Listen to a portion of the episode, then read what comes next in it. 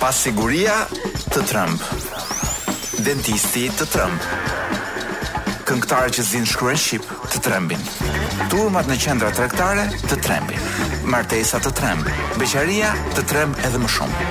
Tabela kujdes shofer i ri të tremb. Çmimet e shtëpive të trembin, kredia të tremb. Po ky është një emision që nuk ju tremb. Sot nuk është e hënë.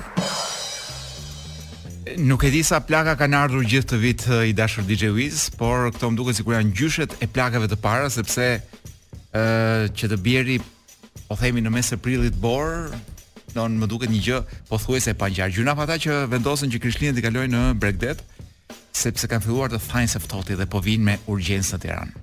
Ndërkohë që këta që ishin në Tiranë patën fatin e madh që herë mas here të kapnin ndonjë vend parkimi, pra vetëm mas 7-8 eh, xhirosh eh, në lagje, kur zakonisht duhen gati 3 çerek ore për të zënë një vend parkimi, Si me thënë, kemi qenë të gjithë kemi marrë diçka të mirë këtë fundjavë, dikush hëngri një peshk, ë dikush hëngri më shumë se një peshk.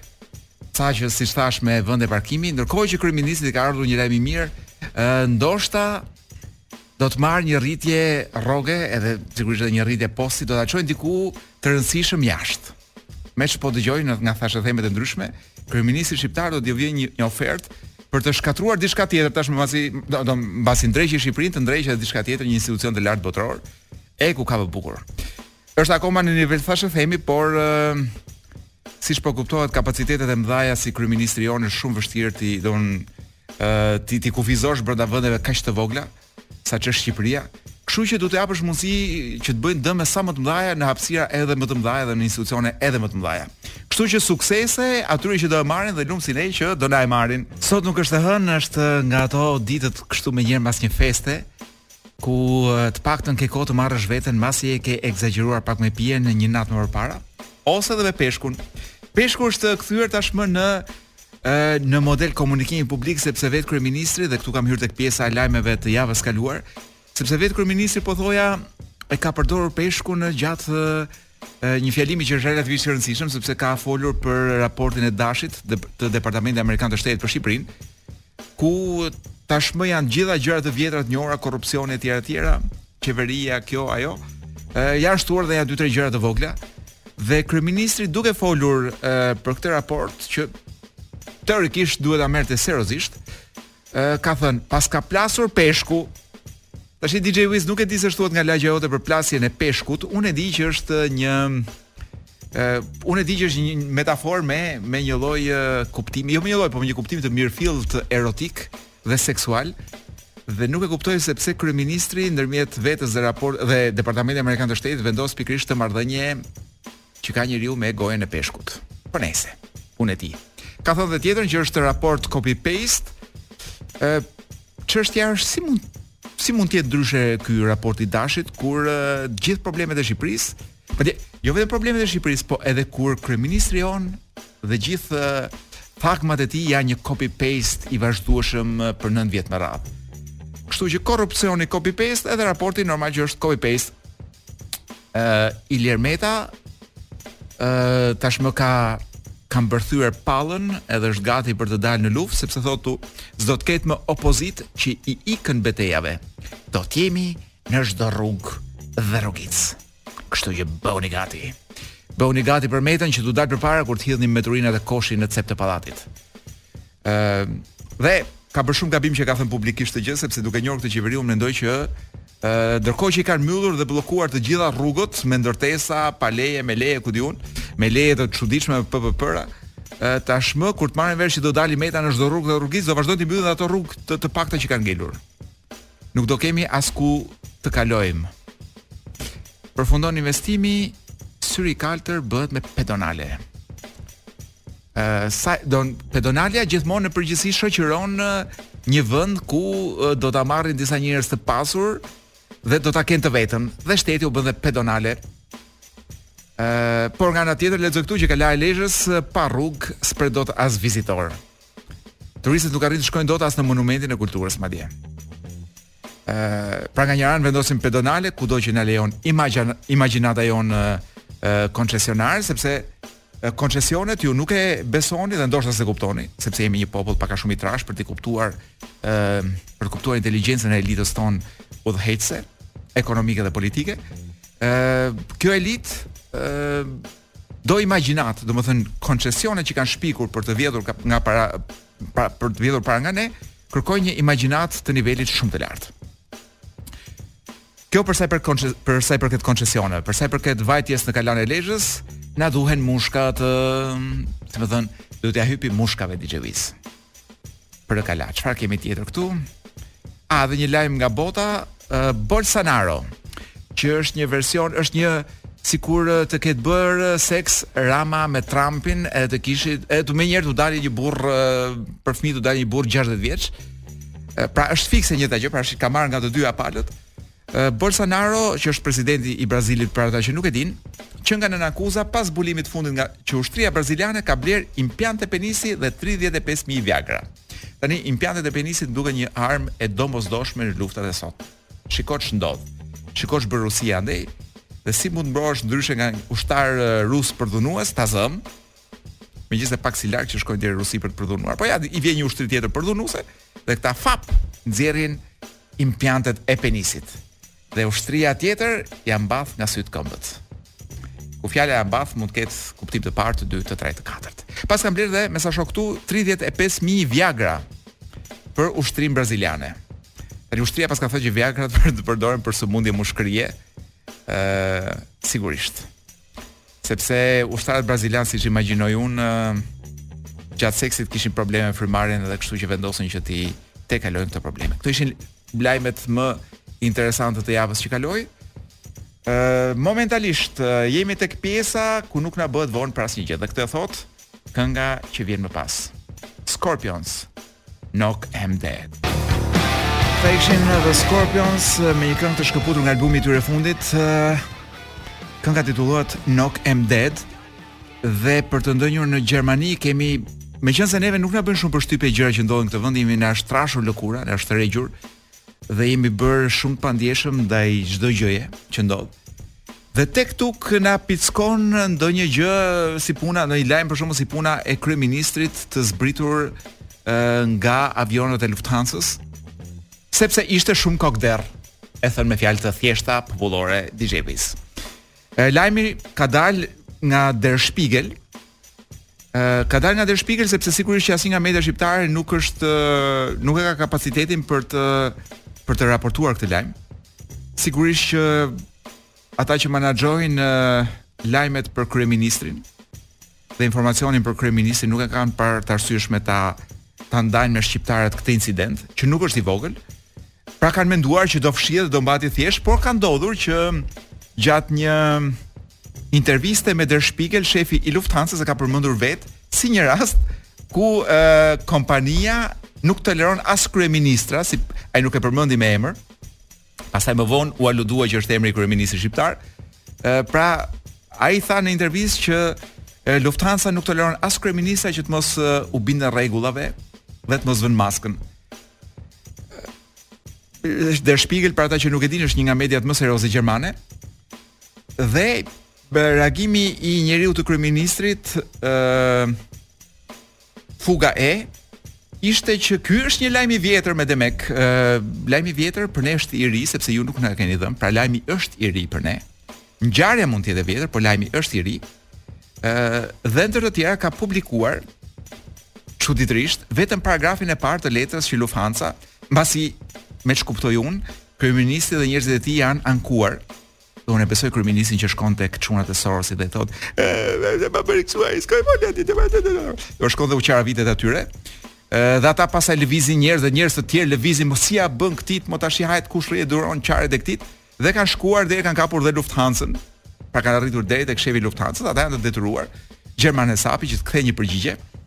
Ëh, zoti Fuga ka për, na ka publikuar vetëm paragrafin e parë të përgjigjes, kur përgjigja si rregull duhet të jetë sa më e gjatë. Dhe duket që është e lënë në mes, ë, kështu që un dyshoj që gjëja është më shumë se sa thot zoti Fuga, që ata kanë bërë gabim dhe na kanë kërkuar dhe falje. Un nuk e shoh këtu, ë, pra kur ti shef vetëm një paragraf dhe nuk shef vazhdimin, ë, un nuk e perceptoj dot si ë si kërkesë për falje këtë gjë. S'keni pa asgjë akoma. Eh. Domethënë jo, këtë ta thot gjermanëve ky se ë ne këtu unë mendoj që kemi parë tashmë të gjitha. Po po të gjitha të gjitha. Kështu pra kryeministri zbritet për lecka shkorthuet nga avioni i Lufthansës, sepse nuk ka dashur që të vër maskën.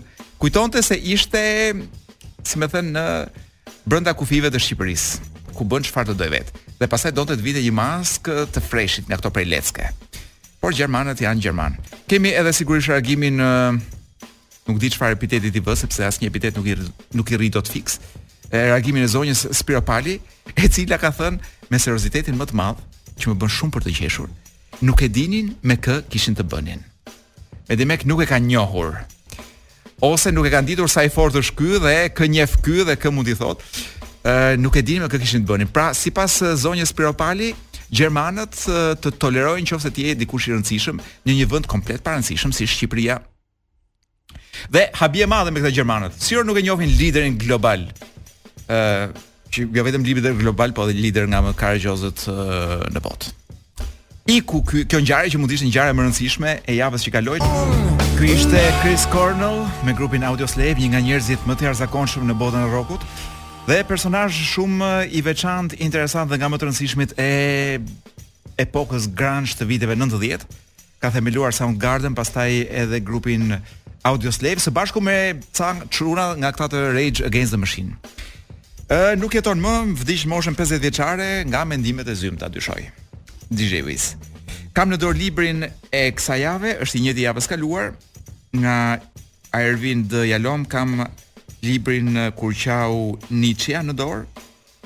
Madje shtëpia botuese Morava që ka publikuar me sa di unë të gjithë librat e Jalomit e ka specifikuar që është një bestseller sepse është një nga librat e parë shumë të shitur të Jalomit. Jalomi është një nga psikologët më të mirë dhe më të njohur dhe më të famshëm në gjithë botën.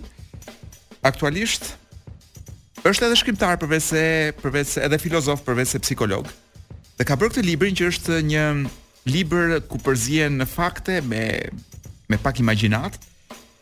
Është një libër që flet për takimin e Nietzsche-s ë me, si me thënë, Nietzsche-s me Breuerin që është themelusi i psikanalizës. Pra dy personazhe të vërtetë, është dhe Freudi diku nëpër nëpër faqet e librit, unë po e shfletoj tani pak për t'ju lexuar juve një copëz nga libri. Faqja 208. DJ Wiz, gati për libërthin. S'është libërth në fakt se është, t'ju them të vërtetën, është 390 faqe të mira. Ë me një shkrim mesatar. Po rrëshket. Do rrëshket sepse ngjarjet janë shumë simpatike dhe janë të gjitha ngjarjet e vitit 1880 e kusur. Kështu që është një libër që ecën mirë, sidomos të ndihmon shumë të shkëputesh nga ky realiteti jonë brutal për të të futur në një realitet tjetër goxha më interesant. Dhe imagjino atë kohë njerëzit edhe laheshin. E kemi gati muzikën DJ Wiz? Po. Fillojmë lexojmë. Ky është momenti kur Nietzsche merr përsipër të ndihmojë mjekun e tij, Brojerin, për të zgjidhur ca probleme të brendshme që kishte. Niçja mori sërish në dorë penën. Çfarë doni të thoni me fund katastrofik? Në mënyrë që ju të më kuptoni, duhet që në radhë të parë t'ju tregoj se çfarë ndodhi ndërmjet meje dhe Bertës. Dhe nuk ka kuptim që të tregohem delikat për këtë. Më lejoni t'i them gjërat ashtu siç janë. Unë, budalla i mirë, rash në dashuri me të. Ajo u kthye në obsesion për mua. Nuk arrija ta largoja nga mendja asnjëherë. Brojeri ishte i habitur se sa lehtë në fakt, sa çliruese ishte që të zbulonte kaq shumë. Dita ime ishte e ndarë në dy faza, qëndrimi me Bertën dhe pritja për të qenë me të sërish. Takohesha me të një orë në ditë çdo ditë të javës dhe më pas fillova ta vizitoja dy herë në ditë. Sa herë që e shihja, ndjeja një pasion të madh. Sa herë që më prekte, ndihesha i ngacmuar seksualisht. Përse ju prekte? Ajo kishte vështirësi për të ecur dhe më mbërthente krahun ndërsa hidhte hapat. Shpesh kontraktimet e befta dhe të rënda kërkonin që unë të masazhoja muskujt e kofshës. Mm. Ndonjëherë, ajo qante me kaq dhimbje, saqë isha i detyruar ta mbaja në krah për ta qetësuar. Ndonjëherë, kur ulesha pranë saj, ajo hynte spontanisht në gjendje transi. Vendoste kokën në shpatullën time dhe pastronte oxhakun për një orë. Këtu duhet të sqaroj që pastrimi i oxhakut ishte një shprehje, ja ta lexoj këtu ç'është pastrimi i oxhakut, sipas kësaj zonjushës Berta, ta gjej ku e tha kjo oxhaku nëse pastrimi i oxhakut ishte kur kjo pastronte mendjen e vet. Domethënë binte në trans, në në trans edhe pastronte mendjen e vet nga mendimet e këqija, pra pastronte oxhakun. Ose vendoste kokën në prehrin tim dhe flinte si një foshnjë shumë shumë herë, unë do të bëja gjithçka për të përmbajtur ndjenjat e mia seksuale. Ndoshta tha Niçja vetëm të qenit burrë e bën burrin që të çlirojë gruan te gruaja. Koka e Brojerit u ngrit. Ndoshta ju keqkuptova, me siguri që e dini që çdo lloj aktiviteti seksual me një pacient është i gabuar. Anatema ndaj betimit të Hipokratit, betimit të mjekut. Po gruaja, e pyet Niçja kështu. Ë, cila ishte përgjegjësia e gruas? Po kjo nuk është një grua, kjo është një paciente. Mbase nuk po e kuptoni, mbase nuk po e kuptoj se ku doni të dilni. Le t'i kthehemi më vonë kësaj u përgjigj Niçja me qetësi. Nuk e kam dëgjuar ende përfundimin katastrofik. Mirë, pra, më dukej sikur Berta ishte duke u përmirësuar, simptomat e saj ishin duke u zhdukur njëra pas tjetrës. Por mjeku i saj nuk ndihej aq mirë. Pra mjeku i saj ishte Brojeri dhe po flet për veten, ëh. Gruaja ime, Matilda, që gjithnjë ka qenë shumë mirëkuptuese dhe e përmbajtur, filloi të pezmatohet. Në fillim për sasinë e kohës që unë shpenzoja me Bertën dhe më pas akoma më shumë për, për faktin që unë flisja për të. Fatmirësisht nuk u tregova aq budalla sa t'i tregoja Matildës për natyrën e ndjenjave të mia, por besoj se ajo dyshonte për to. Një ditë ajo më foli e zemëruar dhe më ndaloi që ta përmendja Bertën. Fillova të pezmatohesha nga gruaja dhe madje të zhvilloja ide irracionale që ajo po më zinte rrugën. Domethënë që nëse nuk do të ishte ajo, unë mund të filloja një jetë të re me Bertën. Brojeri ndaloi, duke vrejtur se Nietzsche kishte mbyllur sytë. A ndiheni mirë? Mos ndoshta ishte shumë për një ditë të vetme? Dhe Nietzsche iu përgjigj.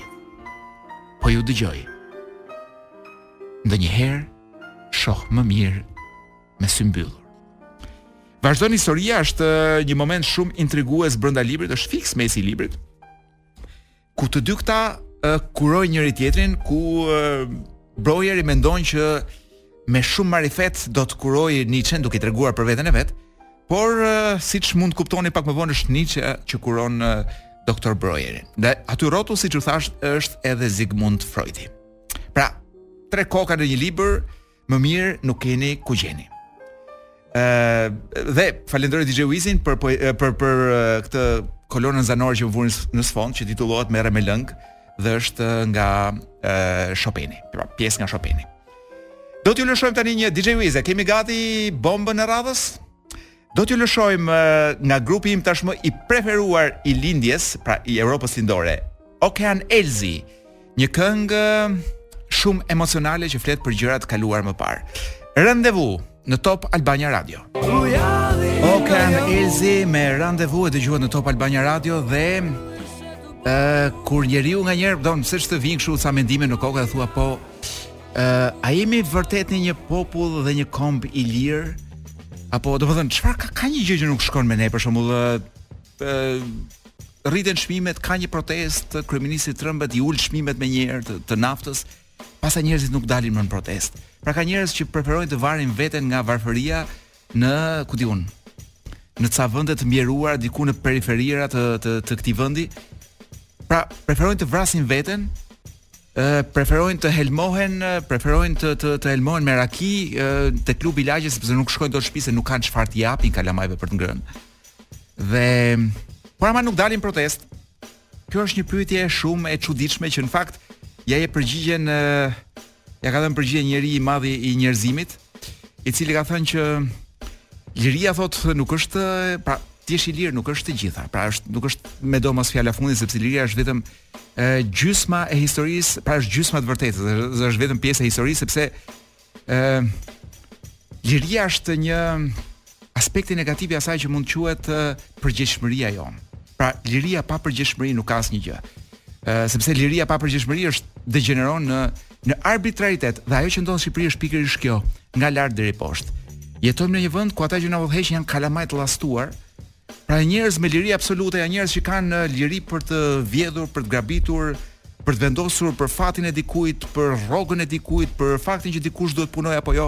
Ata që janë lart mund të vendosin nëse unë ose DJ Wiz-i nesër duhet të rrijë pa punë në këtë vend askush s'duhet ta punësojë. Pra kanë lirinë për të bërë shumë gjëra, por uh, janë totalisht të papërgjegjshëm, janë si kalamaj thoshte uh, Teodor Keko dikur dhe vazhdon të jetë akoma shumë shumë e vërtetë kjo gjëja. që jemi të udhëhequr nga njerëz dhe jetojmë dhe jemi të rrethuar nga njerëz të cilët kanë liri, por nuk kanë pikë përgjegjësie dhe përgjegjshmërie. Dhe ky është fati i keq i këtij vendi. DJ Wiz-i bën me shenjë boll me këto.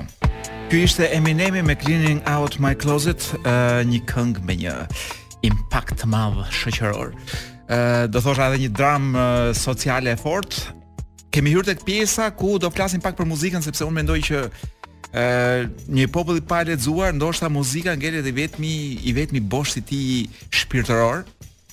Dhe le të le të kontrollojmë se çfarë boshti shpirtëror kemi ne si komb.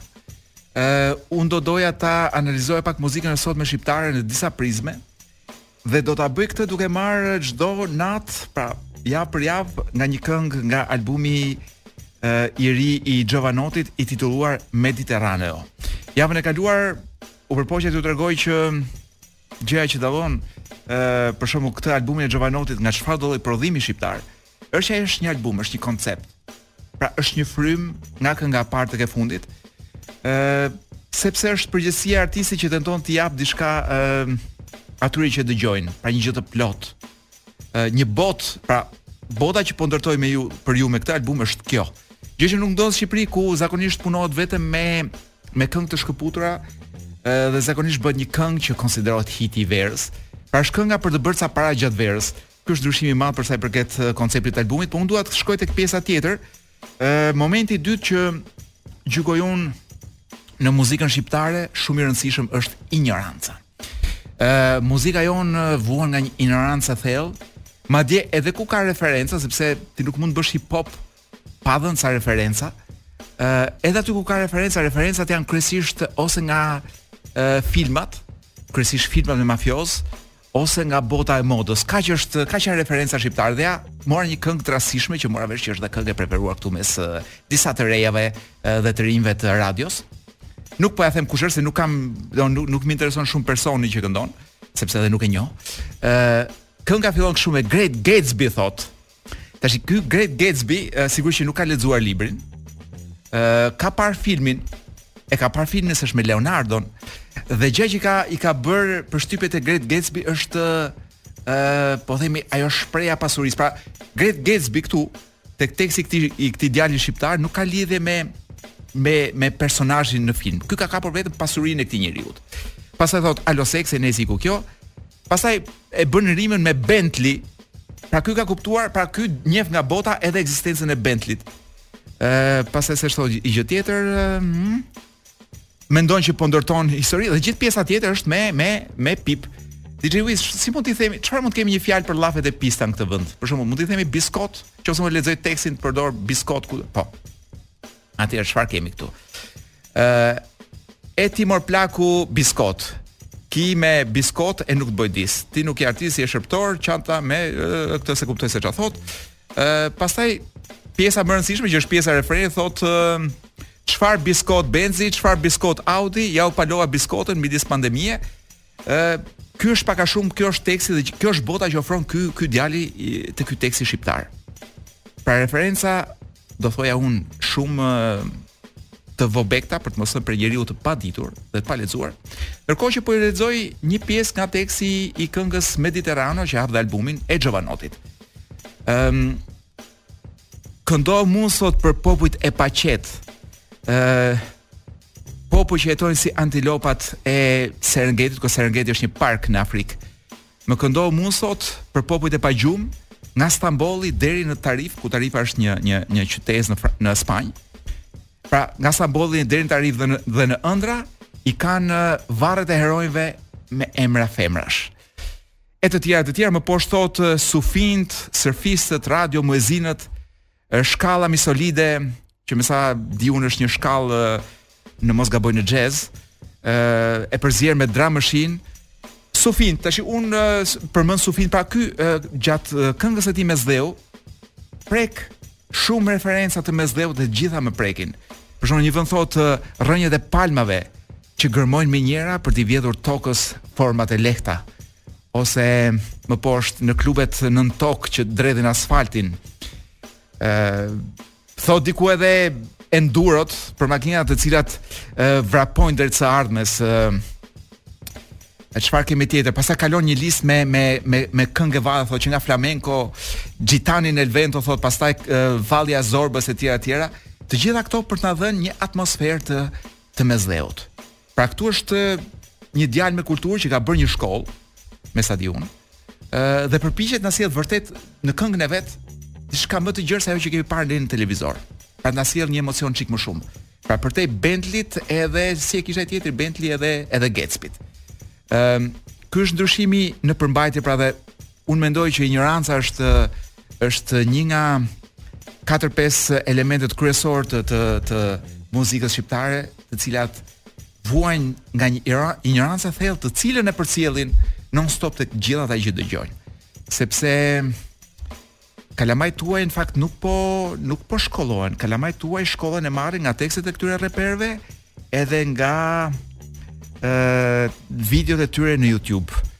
Prandaj mos u qani kur kalamajt tuaj uh, vjen një moment që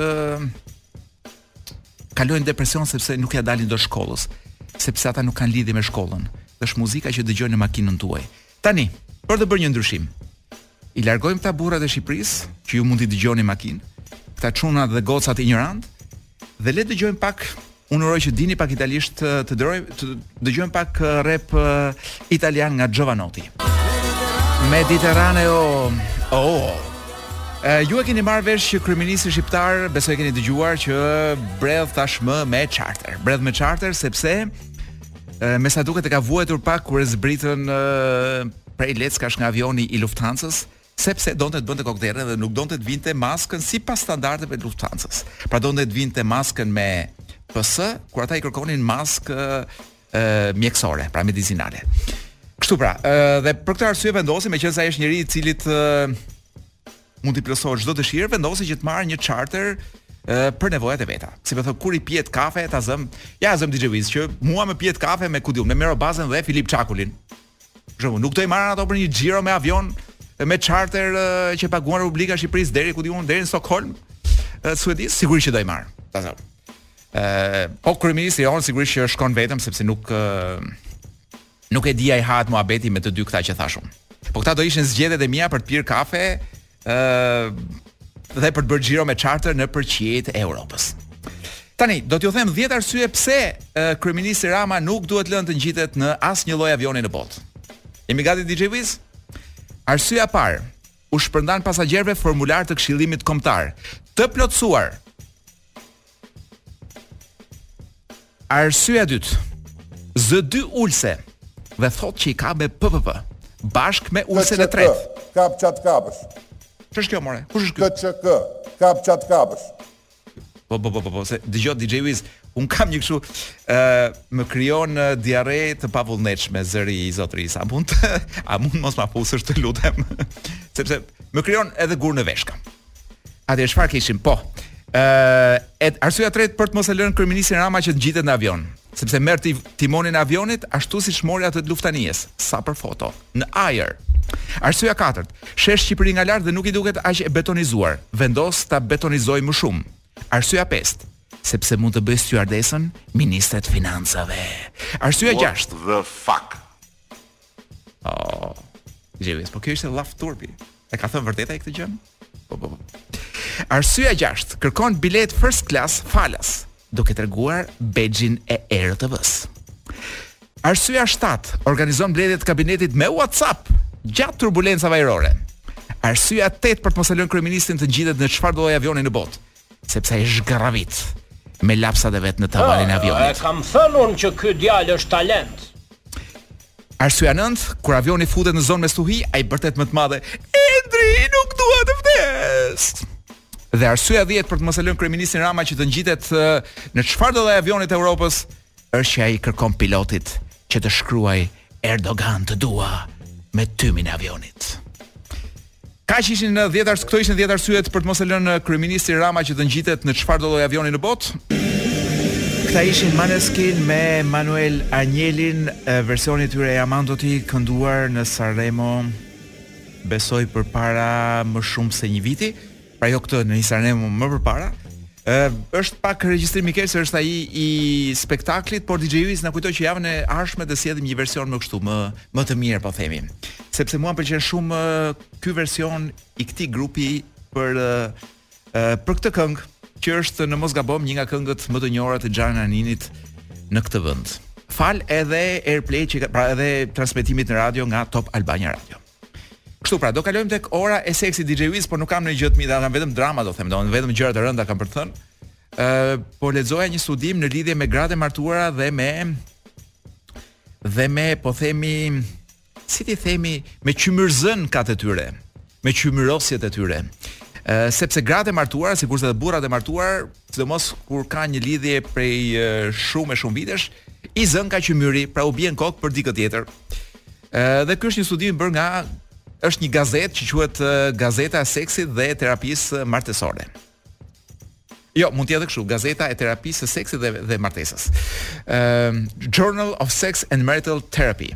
E ka, ta kanë bërë një studim ku rezulton që gratë në marrëdhënie shumë të gjata me partnerin e tyre, shpesh në një përqindje shumë të madhe, mbi gjysma e atyre zhvillojnë ka një një në një moment ka një emocion, një krash i thonë këta, po unë përveçse qymyrosjes nuk di se si ta përkthej në shqip.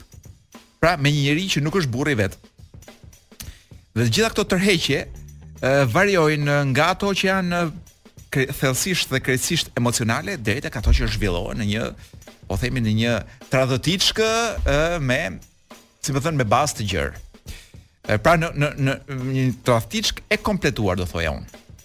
Dhe po gjëja që më pëlqeu më shumë është që mënyra se si një pjesë e këtyre e këtyre qymyrosjeve, qymyrosjeve i ndikojnë në jetën e gruas janë të ndryshme. Ëh, Pse gratë herë mbas here u bie në kokë, ah, u bie në kokë për një burrë tjetër, që nuk është burri i vet. Ë pjesa më e madhe është atraksion fizik. Mbas 30 viteve që ke fjetur me të njëjtin njeri ose 20 viteve, sepse këtu ka vajza nga 18 deri në 58 vjeç. Ë pra, zonjusha dhe zonja, që janë marrë në këtë studim. Dhe mbasi ke jetuar siç siç po thoja për 10ra vjet me një njeri, ndoshta fillon dhe nuk kupton ku mbaron mishi jot dhe ku fillon mishi i atij tjetrit. Duket sikur është i gjithë i joti. Dhe prandaj arsyeja kryesore është tërheqja fizike, siç po lexoj këtu. Edhe pse tek tuk qëllon që ndonjëra nga këto ka dhe një stimulim emocional apo edhe faktor intelektual. Pra burrin do ta kesh shumë të lodhur nga ana intelektuale që do të ngacmojë Pra të arrijë të ngacmojë intelektualisht një burrë tjetër i huaj. Ëh, sigurisht që pjesa e madhe e këtyre grave nuk i diskutojnë me burrat e vet e pse në fund të fundit. Domethën pak halle, siklete, sherre, strese kanë që të shtojnë edhe një gjë më shumë. Por edhe kur e diskutojnë, gënjejnë, për çfarë gënjejnë do thuash ti? Gënjejnë për nivelin edhe thellësinë e kësaj tërheqje që kanë. Ë, kështu pra. Sigurisht që nuk ka nga ana psikologjike, nuk ka asnjë të gab, asgjë të gabuar, pra njeriu nuk bën një krim kur sepse këto gjëra mund të ndodhin dhe një nga ana psikologjike. E mira është që me pak këshillim terapeutik edhe mund t'i kapërceke thuhet këtu të gjitha këto. Ë po lexoj që një pjesë e grave thonë ja për shembull kam këtu ka dhe pjesë nga intervistat që janë bërë gjatë studimit. Ë një pjesë e tyre kanë komente të kësaj natyre, për shembull. Ë më ndodh vazhdimisht thotë njëra, por unë nuk kam në plan të kem marrëdhënie seksuale me asnjë njeri tjetër. Ose thotë tjetra. Ë më tërheqin trupat e burrave të tjerë, por jo mjaftueshëm sa të tradhtoj partnerin që kam. E të tjera, e të tjera. Ë në pjesën më të madhe, ë këto marrëdhënie vazhdojnë dhe ruhen, pra vazhdojnë më tej edhe kur zbulohet dhe kur nuk zbulohet kjo gjë që ndodh, por prapë ka raste kur siç po lexoj këtu, edhe i dimë se i kemi rreth nesh në botën që jetojmë, ku uh, lidhja qoftë kjo bashkëjetesë, martesë, fejesë apo çfarëdolloj gjë tjetër, shkon uh, për Lana ashtu dhe. Kaq DJ Wiz. Domethënë ti do thuash ku ishte seksi këtu dhe pse kjo ishte një orë seksuale. Ëh, uh, Ishte, por është për mosha më të mëdha se ti. Pra kjo i vlen moshave, ë, ku di unë.